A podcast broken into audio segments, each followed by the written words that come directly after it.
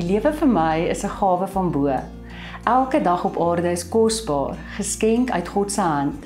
Soos dit in Spreuke 3 staan, God het 'n stuk ewigheid in my hart gesit. Hy het alles mooi geskape, ook die mens.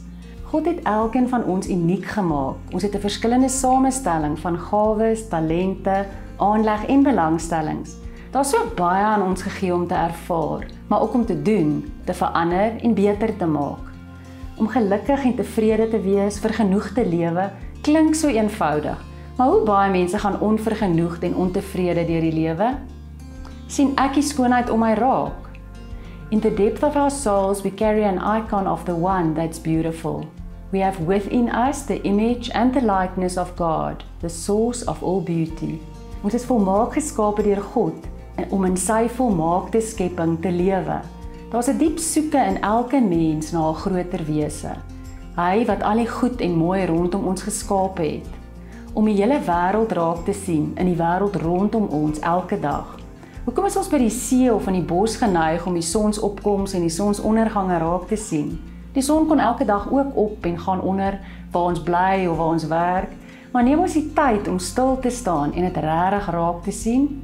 Ons moet meer stil raak en regtig diep kyk, ook met sagtheid na ander mense rondom ons en besef dat elke mens 'n storie het van sukses, maar ook seer, van triomf, maar ook tragedie, ekstase, maar ook eensaamheid, behoeftes, begeertes, verlangens. Wat kan ek doen om meer te beteken? Moet ek luister, moet ek gee, tyd, geld of raad of net nabyheid en empatie? Om te sê jy probeer verstaan of voel saam, al het jy nie altyd die oplossings of raad nie. Waar spandeer ek dan my tyd? Ek het tydens die onlangste lent toewydingstyd die volgende aanhaling uit 'n boek van MM Walters gehoor wat regtig met my gepraat het.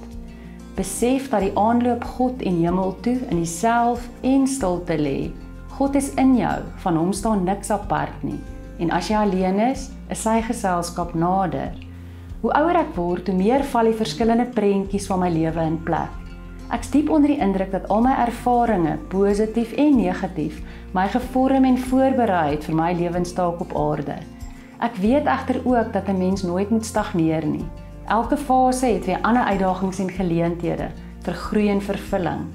Ouderdom bring ook wysheid en selfkennis om al hoe meer te besef wat jou binnekant lewe gee. 'n Mens se ritme raak ook bietjie stadiger en met geen skoolgaande kinders in die huis, kan mens jou eie tyd bestuur. Daar's minder eksterne aansprake wat jou tyd dikteer. Jy het eenvoudig meer vrye tyd tot jou beskikking. Daar kom 'n sekere mate van vryheid, maar ook uitdagings daarmee saam. My tyd is dalk meer, maar steeds kosbaar. Waarop wil ek dit spandeer? Ek raak diep bewus van my verganklikheid, my broosheid. Ek gaan nie vir altyd hier wees nie. Hoe kyk ek na dit wat om my gebeur? Waar is ek nou in my lewe? Waar wil ek nog kom? Ons almal wil 'n lewe van betekenis lei.